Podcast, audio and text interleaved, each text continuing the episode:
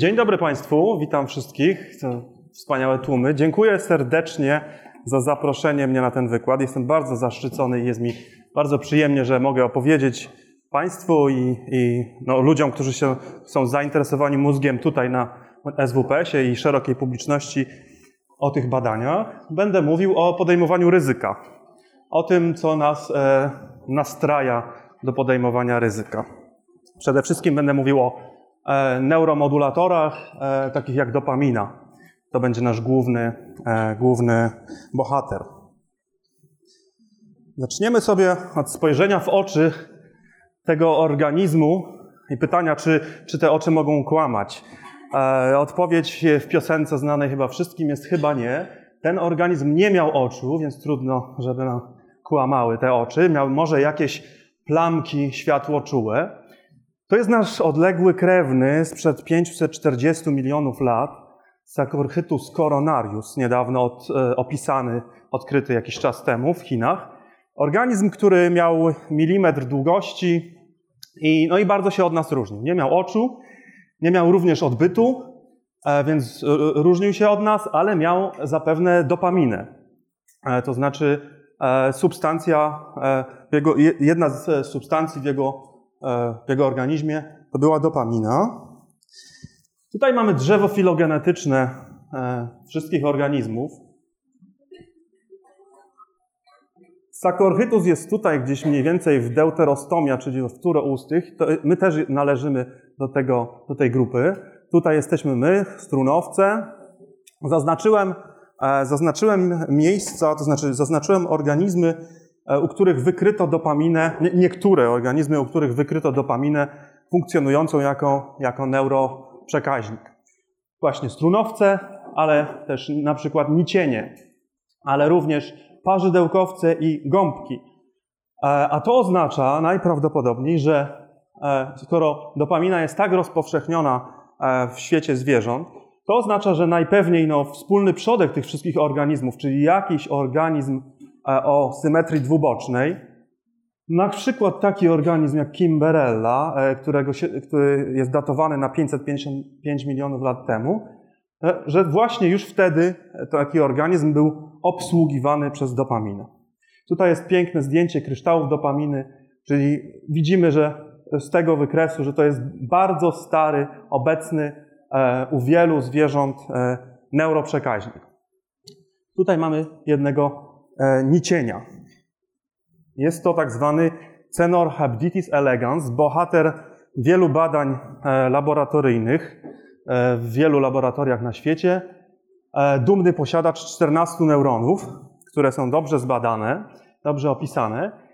I e, on jest przykładem na to, jak działa dopamina. Wiemy e, z tych wielu badań, wiemy, że dopamina zawsze u zwierząt jest związana z ruchem, to znaczy z inicjowaniem, z wykonywaniem ruchu. I akurat, ale nie jest to zawsze jakaś prosta, proste przyspieszenie ruchu. Na przykład właśnie u, u tego wspaniałego nicienia E, dopamina jest związana z ruchami, które maksymalizują, e, maksymalizują e, możliwość znalezienia pokarmu.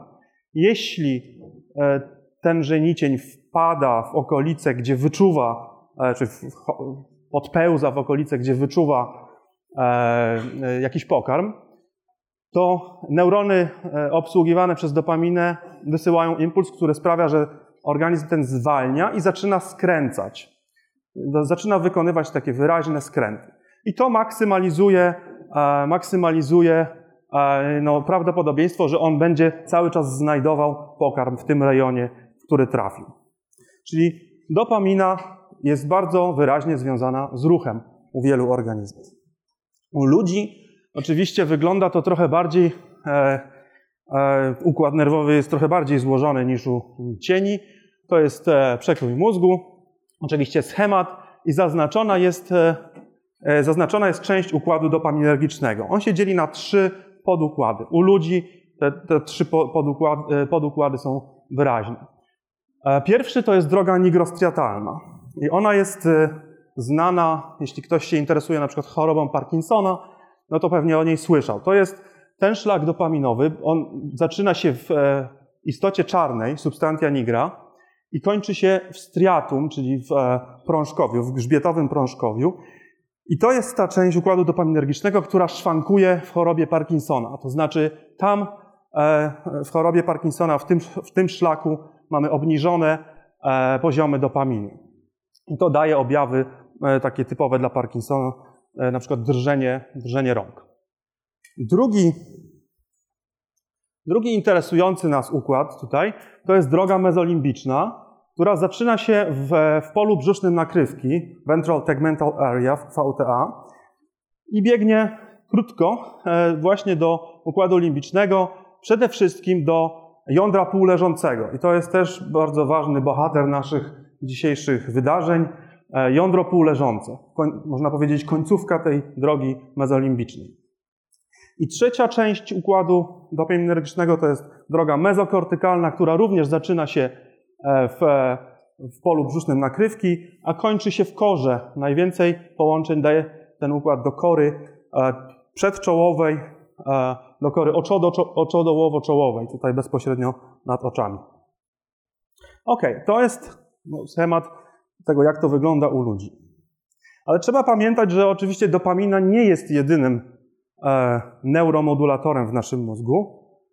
Inne substancje, noradrenalina, acetylchonina i na przykład serotonina, również mają podobny, e, znaczy inne układy neuromodulacyjne również mają, również mają podobny schemat. Zaczynają się gdzieś nisko w mózgu, e, w śródmózgowiu albo jeszcze niżej w pniu mózgu i dają szerokie połączenia do całego mózgu. Tutaj się skupimy na dopaminie i troszkę na noradrenalinie. I trzeba pamiętać, że te układy są blisko ze sobą połączone.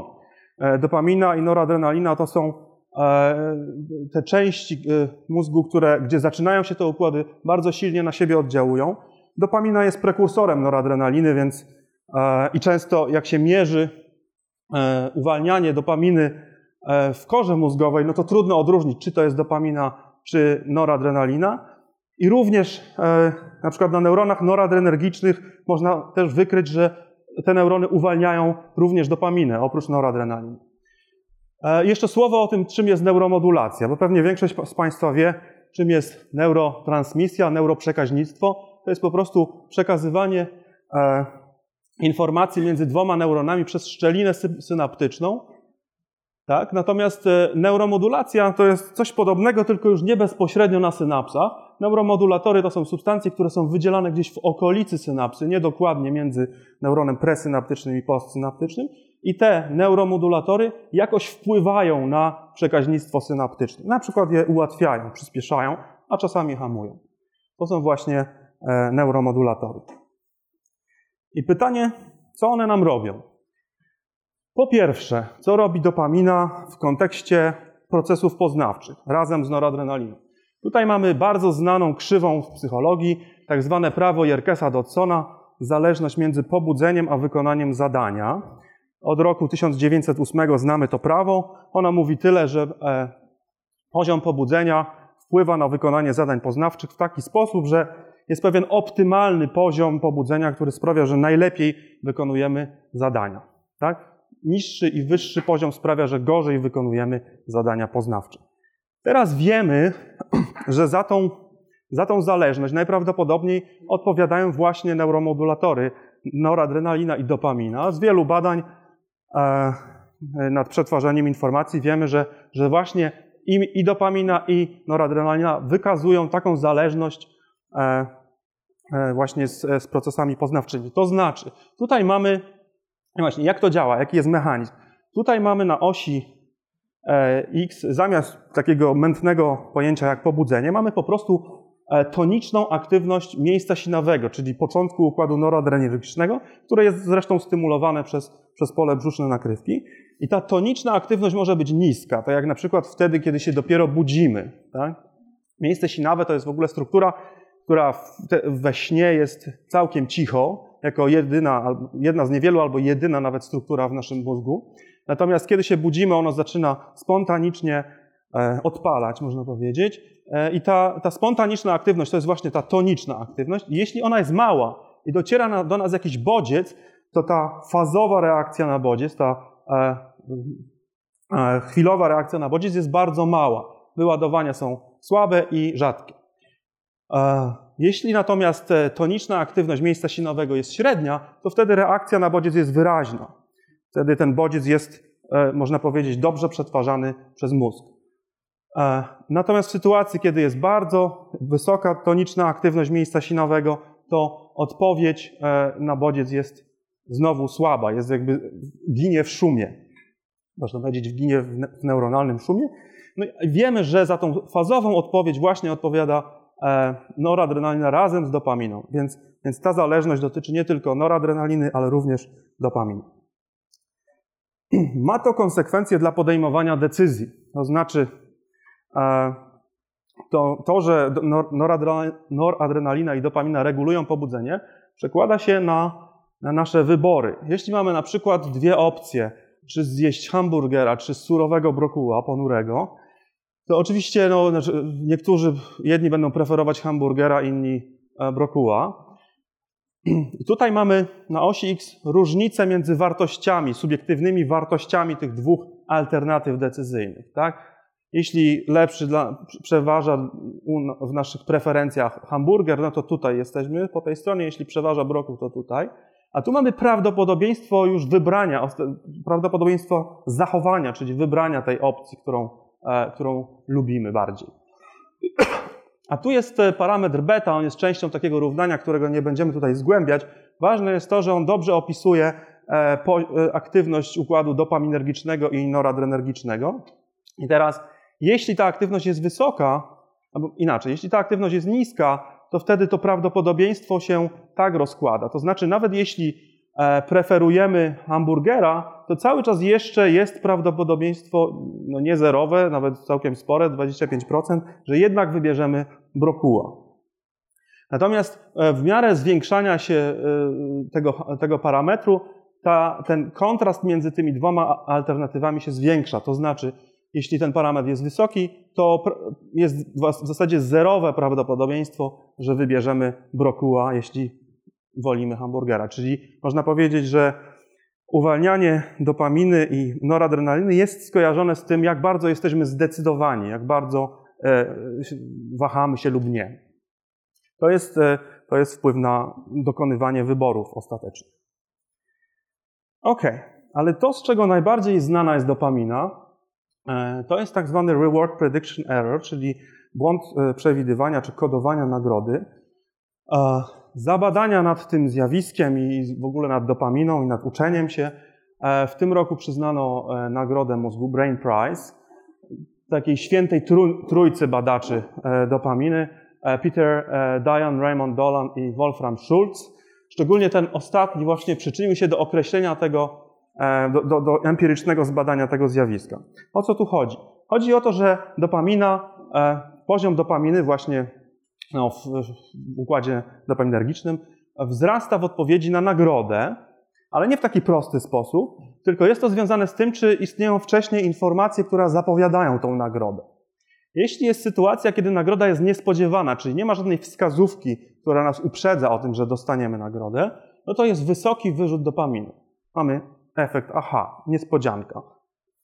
Jest fajnie, dostaliśmy nagrodę i jeszcze dodatkowo jest to niespodziewana sprawa. W sytuacji, kiedy jest e, dobrze zapowiedziana nagroda, czyli wiemy ze stuprocentową pewnością, że dostaniemy nagrodę, bo coś nas o tym informuje, to wtedy, kiedy już dostajemy tą nagrodę, reakcji układu dopaminergicznego nie ma albo jest bardzo słaba. A w sytuacji, kiedy wskazówka nam zapowiada, że dostaniemy nagrodę, jakaś informacja w środowisku mówi, dostaniesz nagrodę, ale nie ma tej nagrody, e, aktywność układu dopaminergicznego spada. Czyli dopamina tak naprawdę koduje tą różnicę między oczekiwaniem, a tym, co się nam wydarza rzeczywiście. I to jest właśnie ten e, reward prediction error, ten, ta różnica w, e, w, właśnie między oczekiwaniem a, a wskazówką. I to jest silny sygnał uczący dla organizmu. Tam, gdzie dostajemy nieoczekiwane nagrody, nasz mózg dowiaduje się, ok, tu się trzeba skupić, bo to jest sytuacja, kiedy nie, nie wiedziałem tego wcześniej, ale tutaj w tej sytuacji jest fajnie, dostaję nagrody, więc muszę się tutaj skupić i, i zapamiętać dobrze tą sytuację. Ok. No dobrze.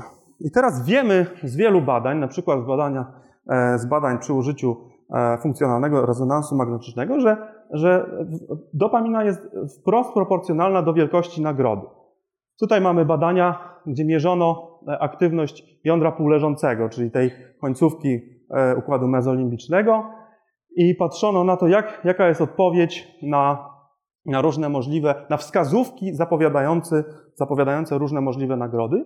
I widzimy tutaj, tutaj po tej stronie są kary, czyli możliwe straty, a tu są nagrody i widzimy, że jądro półleżące reaguje, e, no właśnie liniowy wzrost jest, jeśli te nagrody są coraz większe. Tak? A tutaj mamy poziom szczęścia, subiektywnie określonego przez badanych szczęścia związanego z otrzymaniem tej największej nagrody i poziom e, aktywację, aktywację miejsca e, jądra półleżącego. Piękna, e, piękna, silna zależność. Tak? Ok. Pytanie, czy ten układ można jakoś zhakować, czy pobudzić, czy stymulować? E, oczywiście tak. To jest układ, który reaguje na wejście chemiczne. Na przykład bardzo e, popularny lek na ADHD, Ritalin, czyli metylofenidat. On e, to jest lek, który działa nie tylko na dopaminę, tylko właśnie również na noradrenalinę. Blokuje wtórny wychwyt noradrenaliny i dopaminy na synapsach. No on pomaga właśnie w, e, w, w, w redukcji objawów ADHD, pomaga, on de facto nie zmniejsza pobudzenia e, kory mózgu, on zwiększa pobudzenie kory, mózgu, kory mózgowej, co przekłada się na zmniejszone pobudzenie behawioralne, ponieważ osoby z ADHD mają tendencję do poszukiwania doznań, poszukiwania stymulacji z zewnątrz, po to, żeby niskie pobudzenie mózgowe e, jakby skompensować. Więc ten, ten lek podwyższając pobudzenie kory mózgowej e, sprawia, że osoby są mniej pobudliwe ruchowo na przykład i, i poprawia również zdolność do skupiania uwagi na, na istotnych rzeczach, zdolność do uczenia się. E, podobnie inne, inne stymulanty, na przykład amfetamina i kokaina, również mają bardzo e, silny wpływ na ten układ. One troszkę inaczej działają, one stymulują produkcję dopaminy, nie, nie blokują wychwyt, tylko stymulują produkcję dopaminy. No i e, mają podobne efekty, tylko jeszcze bardziej skoncentrowane w czasie. Podobne efekty co Ritalin. No dobrze. I teraz pytanie, jak to się wszystko przekłada na podejmowanie ryzyka? Żeby to zrozumieć, to trzeba najpierw sobie powiedzieć troszkę o podejmowaniu ryzyka.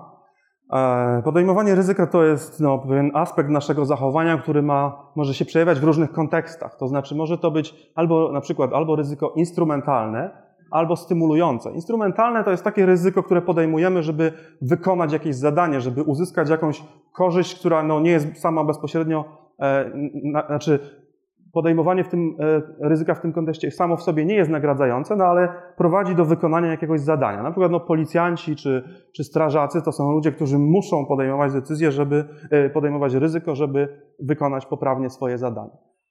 Ale również e, no, takie są sytuacje, kiedy trudno odróżnić, czy podejmowanie ryzyka jest jeszcze instrumentalne, czy już stymulujące, czy już jest samo w sobie nagradzające. Na przykład no, maklerzy giełdowi, ludzie, którzy długo e, funkcjonują w, w, w kontekście giełdy, no, oczywiście oni podejmują ryzyko finansowe, żeby, żeby zarobić, ale często, e, tak przynajmniej pewne stereotypy o nich mówią, jakby zatracają się w tej, w tej aktywności na tyle, że to staje się dla nich taką grą, która jest sama w sobie po prostu pobudzająca. No i oczywiście takie przypadki jak wchodzenie na wieżowiec, E, i robienie sobie tam selfie i stanie tam bez zabezpieczenia, jak ta miła pani gdzieś z Rosji. Jest to znany sport wśród rosyjskich nastolatków. Jest to przejaw no, podejmowania ryzyka stymulującego. I oczywiście ono się przejawia w różnych dziedzinach, w finansach, w zdrowiu e, i w rekreacji również.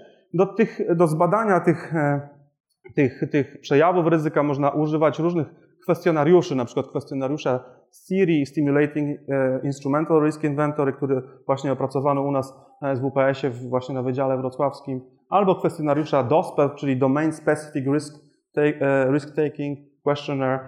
To są oczywiście metody samoopisowe, które pytają ludzi o, o to, jaką mają skłonność do określonych zachowań.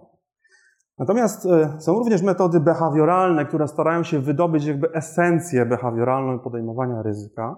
Jedną z takich najbardziej znanych metod jest Ayala Gambling Task, która ma jakby symulować, symulować e, no, zachowanie w kasynie. To jest takie zadanie, gdzie mamy do wyboru cztery talie kart z których dwie są dobre, a dwie złe. To znaczy, dobre to są takie karty, które w długiej perspektywie, perspektywie na przykład 100 prób, przynoszą, przynoszą koniec końców zysk. Niezbyt wysoki, ale jednak zysk. Natomiast złe talie kart to są te, które w długiej perspektywie, jeśli je wybieramy, to przynoszą nam stratę. Natomiast one się również różnią tym, e, w tych złych kartach można uzyskiwać e, bardzo wysokie, jednorazowe nagrody. To znaczy, wyciągając jedną szczęśliwą kartę, możemy bardzo dużo wygrać, ale jeśli wiele razy gramy w tą grę, no to taka szczęśliwa karta jest bardzo, e, bardzo rzadka. Są inne karty, które przynoszą nam straty duże, mniejsze i koniec końców jeśli wybieramy z tych, z tych złych talii, to, to tracimy, mimo że tam gdzieś czai się ta możliwa wysoka wygrana. I wiemy, że ludzie grając w takie zadanie, rozwiązując takie zadanie, uczą się tego, przynajmniej zdrowi ludzie uczą się tego, że po pewnym czasie, znaczy po pewnym czasie uczą się, że, no, że jedne, że dwie, dwie talie kart są złe i prawdopodobieństwo ich wyboru spada, to, niebies, są te niebieskie słupki, natomiast rośnie prawdopodobieństwo wyboru tych, e, tych dobrych talii kart. To jest Iowa Gambling Test. Tutaj mamy dwa zadania bardzo podobne do siebie. Devil Task, czyli zadanie z, diabłem i Bart, czyli zadanie balonowe, Balloon Analog Risk Task. One są bardzo podobne, ponieważ e, e, skupię się na tym, na zadaniu BART. Ono polega na tym, że na ekranie komputera widzimy taki balon e, wirtualny i możemy go pompować. I za każde jedno pompnięcie dostajemy no, na przykład jeden grosz albo jeden punkt. I oczywiście, jak to bywa z balonami, e, w prawdziwym życiu balon może pęknąć i wtedy tracimy wszystkie te punkty, które uzyskaliśmy w tej próbie. Tak? Ale możemy również przerwać to pompowanie przed pęknięciem balonu, jak w jakimś na wczesnym etapie i wtedy te punkty nam się odkładają do, do stałe, na stałe konto, tak można powiedzieć. E, w zadaniu e, diabła jest tak, że możemy otwierać pudełka i w, każdej, w każdym z tych pudełek jest jakaś jakaś nagroda, która przekłada się na liczbę punktów, na przykład 10 punktów, ale w jednym pudełku siedzi diabeł, czyli taka mina, na którą możemy wejść i znowu otwieramy to pudełko i wtedy tracimy wszystkie punkty zebrane w tej próbie.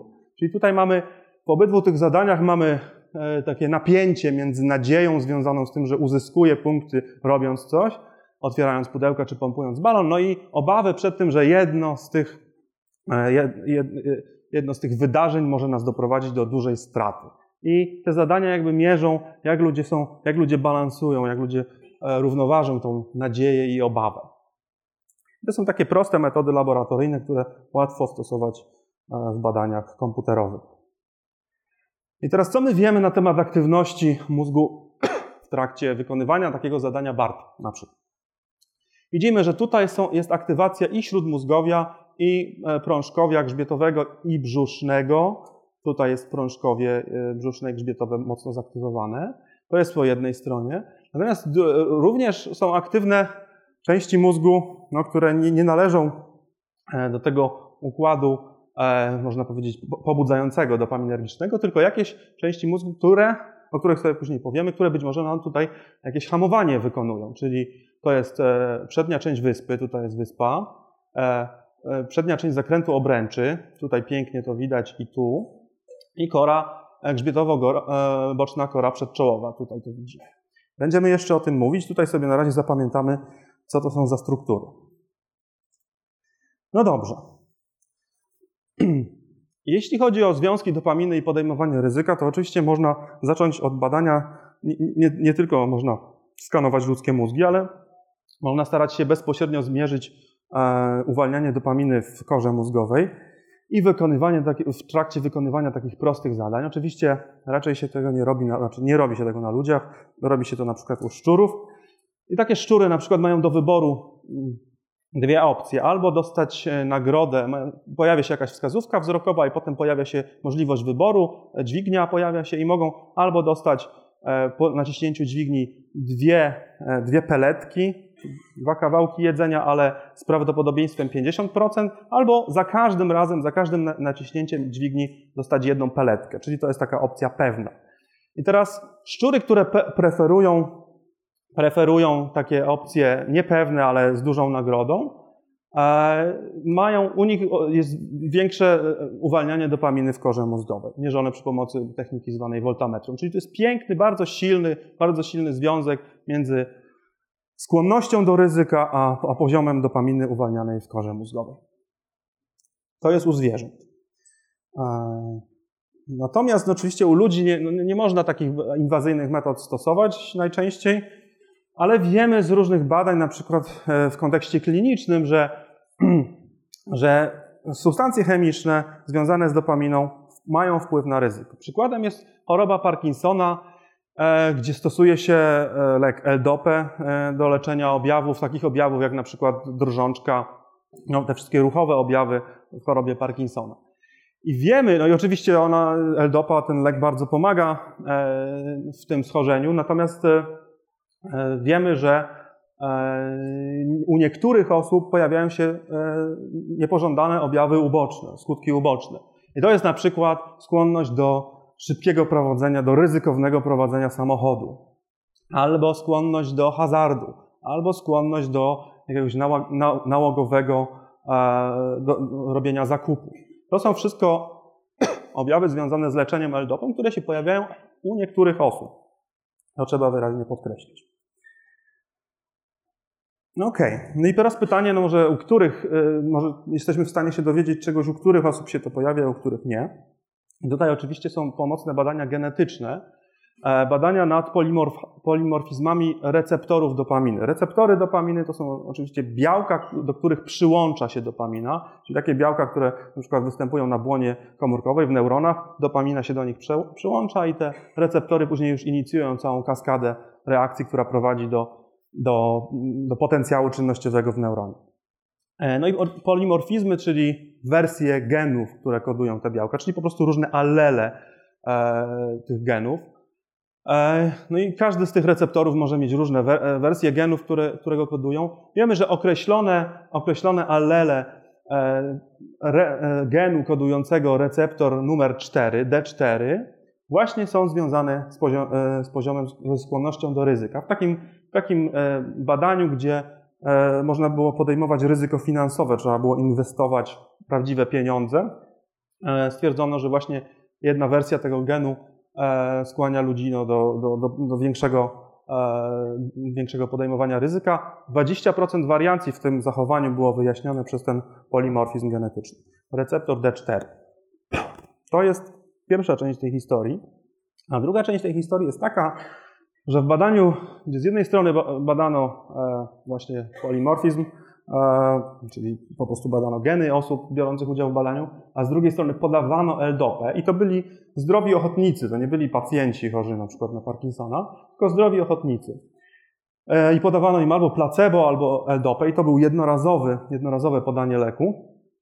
Osoby właśnie z, określoną, z określonym allelem znowu w receptorze D4 E, w odpowiedzi na L-dopę miały bardzo podwyższoną skłonność do podejmowania e, ryzyka.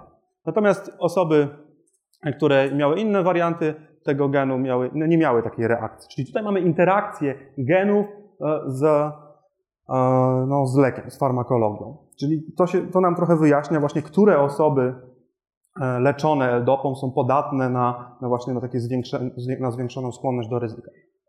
Na pewno to jest związane z, właśnie z genem receptora D4. Ok. No dobrze. E, ok, teraz trochę o, o, o, seksie i o dopaminie i o badaniach fMRI.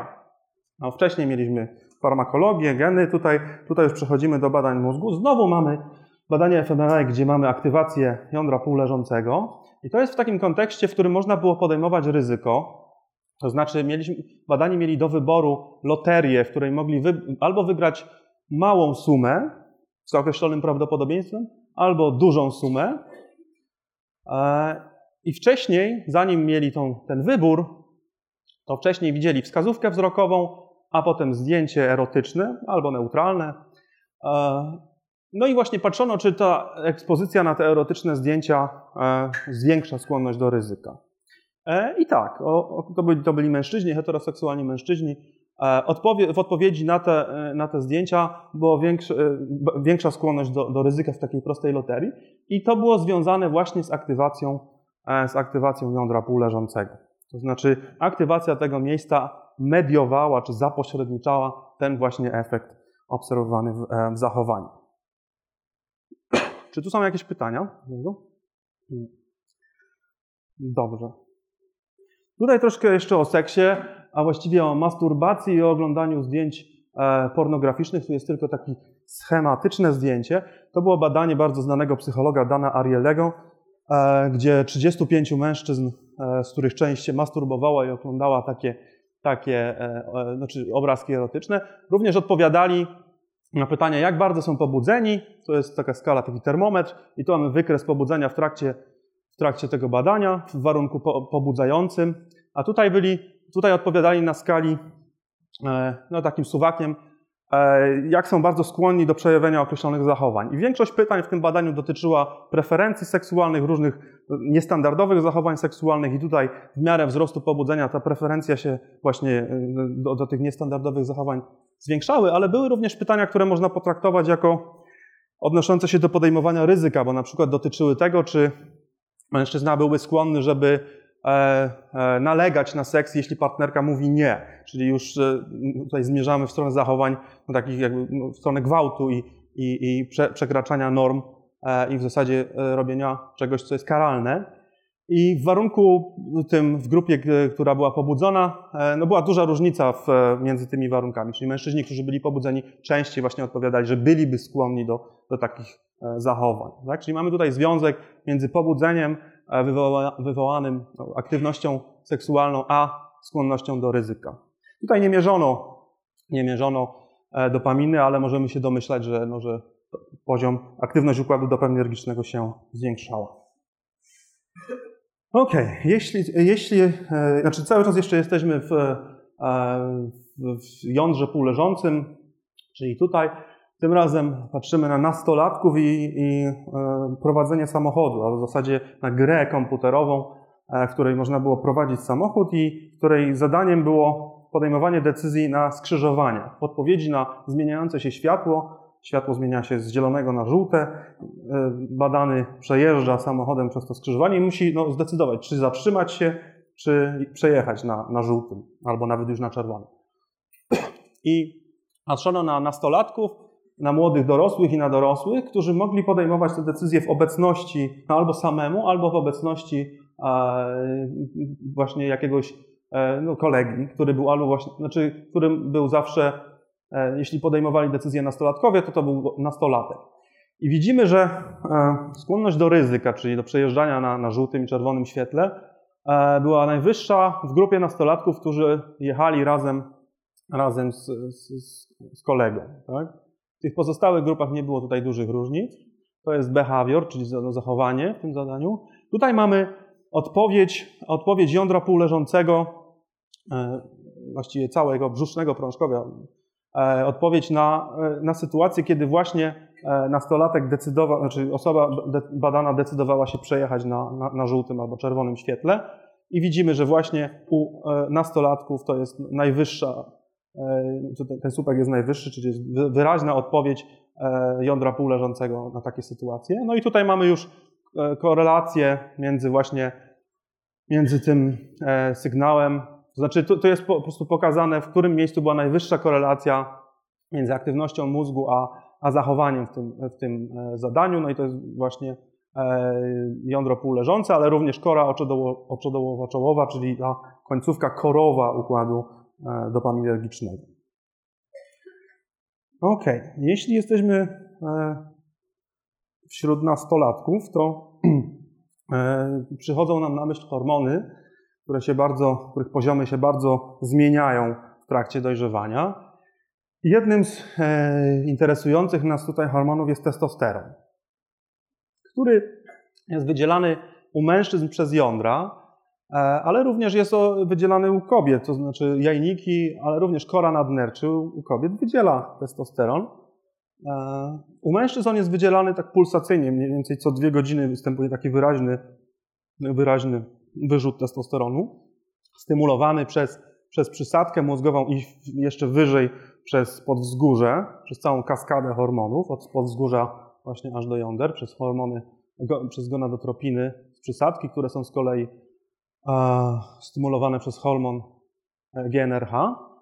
E, no i testosteron ma różne biologiczne funkcje bardzo ważne. On przede wszystkim stymuluje produkcję plemników, również zachodzącą w jądrach, ale również stymuluje budowę mięśni szkieletowych e, i rozwój drugorzędowych cech płciowych, czyli właśnie jest związany na przykład z dojrzewaniem płciowym. E, u kobiet jest go mniej więcej 8 razy mniej niż u mężczyzn i no nie jest wydzielany w takich pulsach. U kobiet nie wiadomo dokładnie, jaką on ma funkcję behawioralną, natomiast no na pewno jest ważny z biologicznego punktu widzenia, ponieważ jest prekursorem estradiolu, to znaczy podstawowy żeński hormon płciowy estradiol e, jest produkowany bezpośrednio z testosteronu. No i teraz pytanie, co ten. Aha, jeszcze, tutaj jest jeszcze slajd dotyczący związku testosteronu i dopaminy. No bo to, to jest ważny związek. Pytanie, czy testosteron jakoś wpływa na, na aktywność układu dopaminergicznego. Tutaj mamy dane z badania na szczurach, w którym podawano testosteron donosowo e, i mierzono, e, mierzono e, w jądrze półleżącym poziomy dopaminy. Tutaj mamy różne dawki tego testosteronu. Widzimy, że ta najwyższa dawka 2 mg na kilogram masy ciała zwiększa ośmiokrotnie mniej więcej. Tutaj jest poziom bazalny, czyli 100% i tu są wzrosty widzimy ośmiokrotnie, ośmiokrotny wzrost e, po podaniu tej najwyższej dawki. Czyli można powiedzieć, testosteron no, podwyższa poziom dopaminy w jądrze półleżącym. Pytanie, jak to działa? No zapewne przez receptory androgenowe, ale również przez receptory estrogenowe, które znajdują się w tym układzie. E, dlatego przez estrogenowe, że testosteron jest konwertowany, e, no właśnie, tak jak wcześniej powiedziałem, do estradiolu, do estrogenów i, i i może prze, przez te receptory również oddziaływać na ten układ. Ok, nas bardziej niż sam mechanizm e, tego połączenia, nas bardziej interesują efekty behawioralne testosteronu, bo oprócz tych funkcji czysto takich e, fizjologicznych, e, on ma również wpływ na zachowanie. I to się najlepiej bada u zwierząt, bo można im podawać, podawać testosteron w, w pożywieniu. I na przykład takie wdzięczne E, obiekty badane to są ptaki pardwa szkocka i preriokur bażanci. Można je badać w naturalnym środowisku i podawać im właśnie testosteron. I wiemy, że podawanie testosteronu samcom pardwy szkockiej prowadzi do zwiększenia terytorium. Czyli u tego gatunku efekty są takie, że te samce są po prostu bardziej ekspansywne, mają większe terytorium wtedy, kiedy się im podaje testosteron. E, u pleriokura bażanciego e, podawanie testosteronu nie prowadzi bezpośrednio do zwiększenia terytorium, ale prowadzi do zwiększenia agresywności. To jest kolejny efekt behawioralny. Teraz pytanie, czy to się jakoś również stosuje do ludzi. Czy mamy tutaj związki u ludzi testosteronu z, z zachowaniem, no, na przykład właśnie z podejmowaniem ryzyka. I tutaj już jesteśmy, już wychodzimy z, z łąk i lasów, jesteśmy na giełdzie londyńskiej i badamy maklerów giełdowych. I im nie podawano testosteronu, ale mierzono im dwa razy e, testosteron o godzinie 11 rano, jeszcze przed, przed tą największą aktywnością na giełdzie, a potem, e, a potem o 16. I tutaj mamy e, dwie grupy porównywane maklerzy, którzy rano mieli wysoki poziom testosteronu, i ci, którzy mieli niski poziom testosteronu. I widzimy tutaj, że ich skłonność do ryzyka e, się różni. To znaczy nie, to co tutaj widzimy tak naprawdę, to są zyski, e, czyli e, suma pieniędzy, którą oni wygenerowali w ciągu dnia, czyli zysk minus, zysk netto w zasadzie, czyli to, co zarobili minus koszty, które ponieśli. Zysk netto u, u maklerów, którzy mieli wysoki testosteron rano, był wyższy. Tak? E, no, generowanie takich zysków na, w kontekście giełdy zawsze jest związane z, z ryzykiem, z, ryzyk, z, ryzykownymi operacjami, więc można pośrednio wnioskować, że właśnie oni mieli wyższą skłonność do, do podejmowania ryzyka. Czyli mamy tutaj dowód taki z, z badań na ludziach w naturalnym środowisku, można powiedzieć, na związek e, testosteronu z podejmowaniem ryzyka. No ale to oczywiście jest badanie e, no, korelacyjne, nie, nie podawano tutaj E, testosteronu. Natomiast takie, takie badanie przeprowadzono na kobietach. Nie ma takiego doniesienia jeszcze dla mężczyzn, takiego eleganckiego wyniku. Pewnie dlatego, że u mężczyzn jest właśnie duża zmienność między osobami, ale też wewnątrz osób, właśnie przez to, że są takie pulsacyjne wyrzuty testosteronu, no i mężczyźni się bardzo różnią między sobą testosteronem. U kobiet jest to łatwiej zbadać, no bo ich poziomy testosteronu są bardziej stabilne i są podobne. I tak, kobietom w tym badaniu podawano albo placebo, albo testosteron i wykonywały one to zadanie, które wcześniej prezentowałem, Iowa Gambling Task. I jak wiemy, i tutaj na osi X mamy proporcje tych wyborów, tych e, talii kart e, niedobrych, tak? tych prowadzących do, do strat. I widzimy, no, ludzie się uczą w ciągu badania. Tutaj mamy kolejne bloki e, tego badania. Tych prób było 100, więc te bloki to jest po 20 po 20 prób. No i widzimy, że osoby się uczą, to znaczy coraz rzadziej wybierają te, te złe talie kart. No i potem zachowanie grupy placebo się stabilizuje. Tak? Te osoby, które nie były, którym nie podawano testosteronu, utrzymują tą swoją niską tendencję do, do wybierania tych złych kart. Natomiast kobiety, którym podawano testosteron, no tutaj nagle pod koniec zadania im zaczyna wzrastać ta proporcja e, tych wyborów e, ryzykownych, tam gdzie są te, e, te karty, które prowadzą do strat. Okay? Czyli tutaj mamy taki no, dość elegancki dowód na to, że testosteron zwiększa skłonność do ryzyka, e, u kobiet również. Okay. E, przez odwołanie do testosteronu próbuje się wyjaśnić takie stabilne różnice e, w skłonności do ryzyka u kobiet i u mężczyzn, które się obserwuje w wielu populacjach. Tutaj mamy wynik e, z mojego badania które e, z moją magistrantką chińską tutaj na, na uniwersytecie prowadzi, ona prowadziła to badanie w Chinach, w więzieniu, e, w populacji więziennej. Tu są słupki dotyczące więźniów, a tutaj jest populacja, no można powiedzieć generalna populacja pozawięzienna i to jest wynik, który się e, powiela, znaczy replikuje w wielu populacjach. Mężczyźni są bardziej skłonni do podejmowania ryzyka niż kobiety. Tutaj na osi X mamy liczbę pompnięć w tym zadaniu balonowym, czyli ile razy ktoś napompował balon w tym zadaniu. No i widzimy, mężczyźni mają e, większą skłonność do tego niż kobiety, dłużej pompują balon.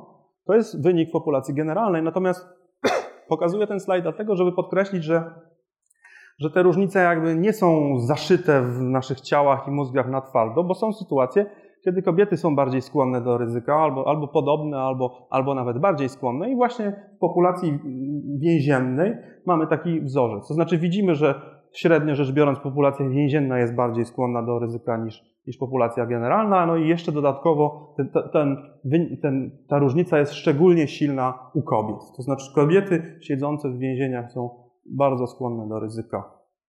Dużo bardziej niż kobiety z populacji generalnej i i nawet bardziej niż mężczyźni siedzący w więzieniu i na pewno bardziej niż mężczyźni z populacji generalnej. Czyli te, czyli te różnice płciowe e, no nie są, e, można powiedzieć, z jednej strony, że są częste, bo w wielu populacjach generalnych to obserwujemy, ale one nie są uniwersalne. Są takie populacje, gdzie ten wzorzec jest odwrócony. Ok. E, z płcią i podejmowaniem ryzyka jest związany taki ciekawy efekt ciekawy efekt mm, reakcji na stres. To znaczy, e, pod wpływem stresu te, te różnice płciowe się e, zwiększają. Mężczyźni stają się bardziej skłonni do ryzyka, a kobiety mniej. I pytanie, skąd się to bierze?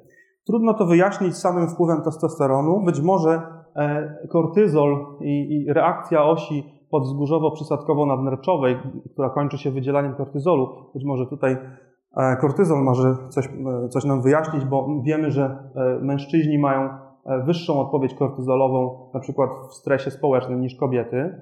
Ta odpowiedź jest bardziej wyraźna, więc może tutaj jest źródło odpowiedzi. Ale może nam tutaj coś wyjaśnić inna, inna inne substancje, które odpowiadają za przetwarzanie bodźców bólowych. Mówię tutaj o o, o zjawisku analgezji albo hiperalgezji. Analgezja to jest zniesienie czucia bólu, a hiperalgezja to jest podwyższenie czucia bólu. W większości badań nad bólem wychodzi, że kobiety są bardziej, bardziej wrażliwe na mężczyzn, od mężczyzn na ból. Na przykład w badaniu nad, nad reakcją na temperaturę, e, jeśli e, e, wkładamy przykładamy jakiś rozgrzany przedmiot, który ma 40 stopni, no to w subiektywne oceny bólowości są takie same przy 40 stopniach, natomiast są wyższe u, mężczy- u kobiet niż u mężczyzn przy 50 stopniach, czyli te subiektywne odczucie tej samej temperatury się różni. I, e, I układ, który może nam tutaj coś odpowiedzieć, to jest układ opioidowy, czyli układ e, taki no, rozsiany w całym mózgu, który ma receptory w całym mózgu i w całym układzie nerwowym. To jest układ trzech rodzajów substancji: e, enkefaliny, endorfiny i dynorfiny, które się łączą z określonymi receptorami mu, delta i kappa. I one też działają jako neuromodulatory. One odpowiadają za, za czucie bólu, za przetwarzanie bodźców bólowych. I to są substancje, które są bardzo blisko związane z morfiną i heroiną, które są również bardzo, e, e, które, są, tak, e, które są właśnie e, substancjami przeciwbólowymi. No i te e, e, opioidy również odpowiadają za odczucie przyjemności związanej na przykład z jedzeniem czy z seksem. E, tu jest taki slajd, który nie chcę, żebyśmy analizowali e, dokładnie. Chodzi o to tylko, żeby wiedzieć, że e, w jądrze półleżącym znajdują się tak zwane hotspoty, czyli miejsca, które, do których się przyłączają opioidy, określone bardzo dobrze zlokalizowane miejsca i w tych miejscach opioidy wywołują, znaczy przyłączane w tych miejscach wywołują odczucie przyjemności. Przyłączane troszkę dalej wywołują odczucie odwrotne, awersyjne. Więc tutaj jest bardzo złożona sytuacja. To nie jest tak, że po prostu wyższy poziom endorfin czy w ogóle opioidów oznacza większe odczucie przyjemności. Zależy, gdzie się to przyłącza w układzie dopaminergicznym. Ale pewien wzorzec, e, taki szeroki wyników się e, wyłania z tego, szczególna rola endorfin e, w nielubieniu, to znaczy w reakcji awersyjnej. Tutaj mamy przykłady awersyjnych reakcji u, różnych organizmów, takie reakcje behawioralne w odpowiedzi na bodziec. I najprawdopodobniej endorfiny, endorfiny właśnie są, mają, pełnią ważną rolę w tej awersyjnej reakcji. I tutaj mamy zachowanie e, związane z podejmowaniem ryzyka, czyli skłonność do hazardu, e, która się zmniejsza pod wpływem leku opioidowego, czyli takiego leku, nalmafen on się nazywa, który jest antagonistą receptorów MORG, czyli blokuje te receptory, i agonistą receptorów COR-kappa, czyli działa tak jak, e, jak dynorfiny, bo ten receptor to jest receptor, do którego przyłączają się dynorfiny. I widzimy, że osobie hazardziści, którym podawano ten lek przez kilka tygodni, e, oni zmniej, tu są różne dawki tego leku, u nich zmniejsza się skłonność do ryzyka. Porównujemy to z tą niebieską linią, jasno-niebieską to jest placebo.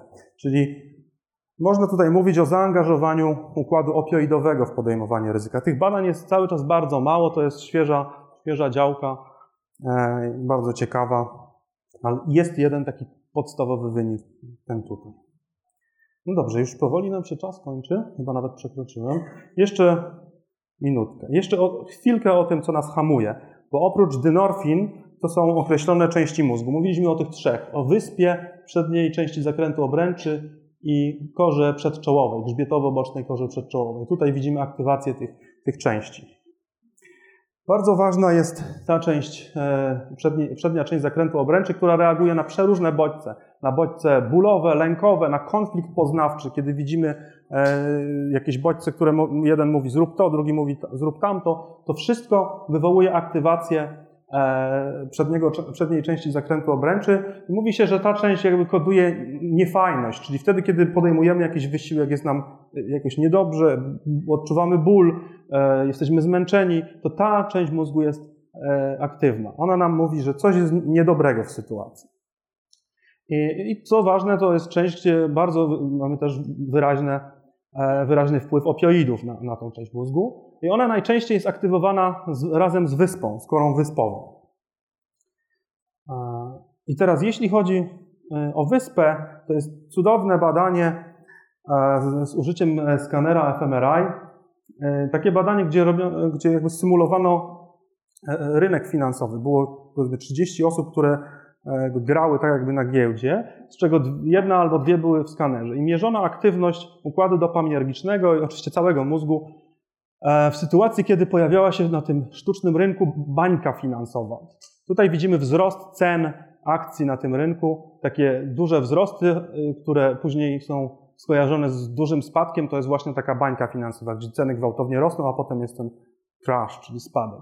I pytano, jaki sygnał, i, i, patrzono na to, kto ile zarobił pieniędzy w takiej sytuacji. I były osoby, które dużo zarabiały i takie, które mało zarabiały. I pytano, pytano jaka aktywacja której części mózgu nam mówi, e, czy jest skorelowana e, z zarobkami. I tutaj mamy aktywację e, wyspy, jej związek właśnie z zarobkami. I to, to była aktywacja mierzona tutaj przed tą bańką.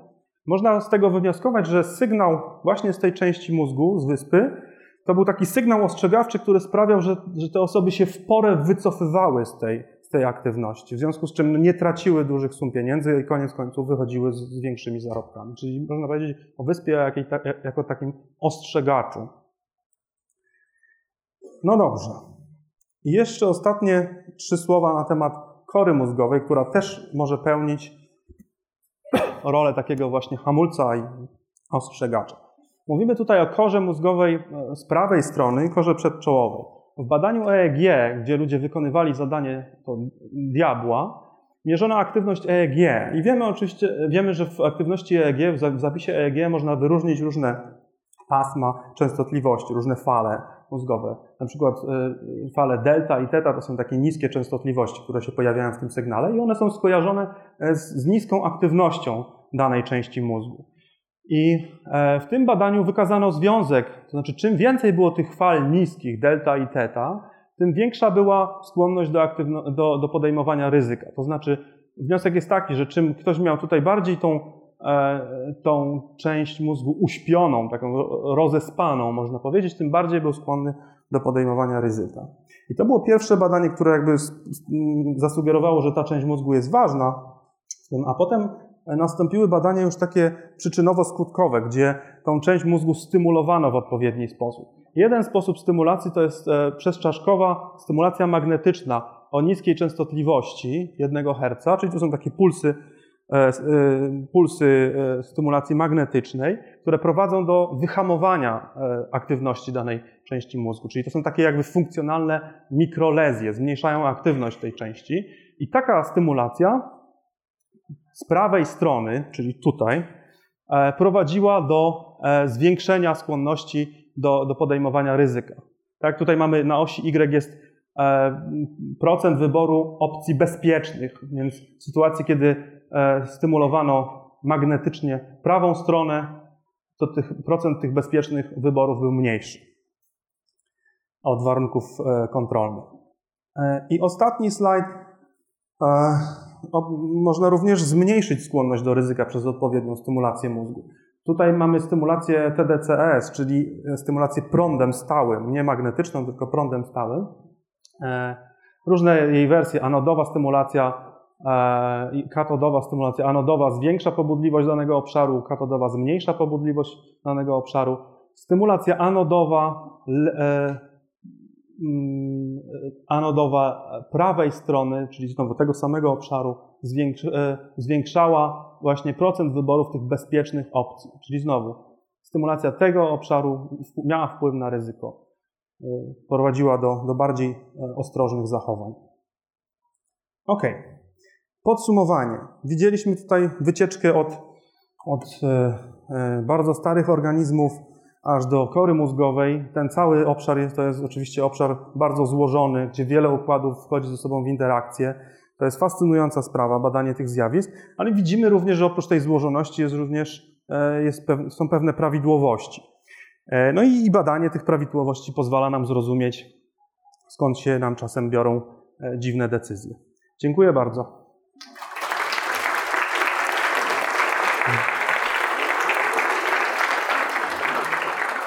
Trochę przekroczyłem czas.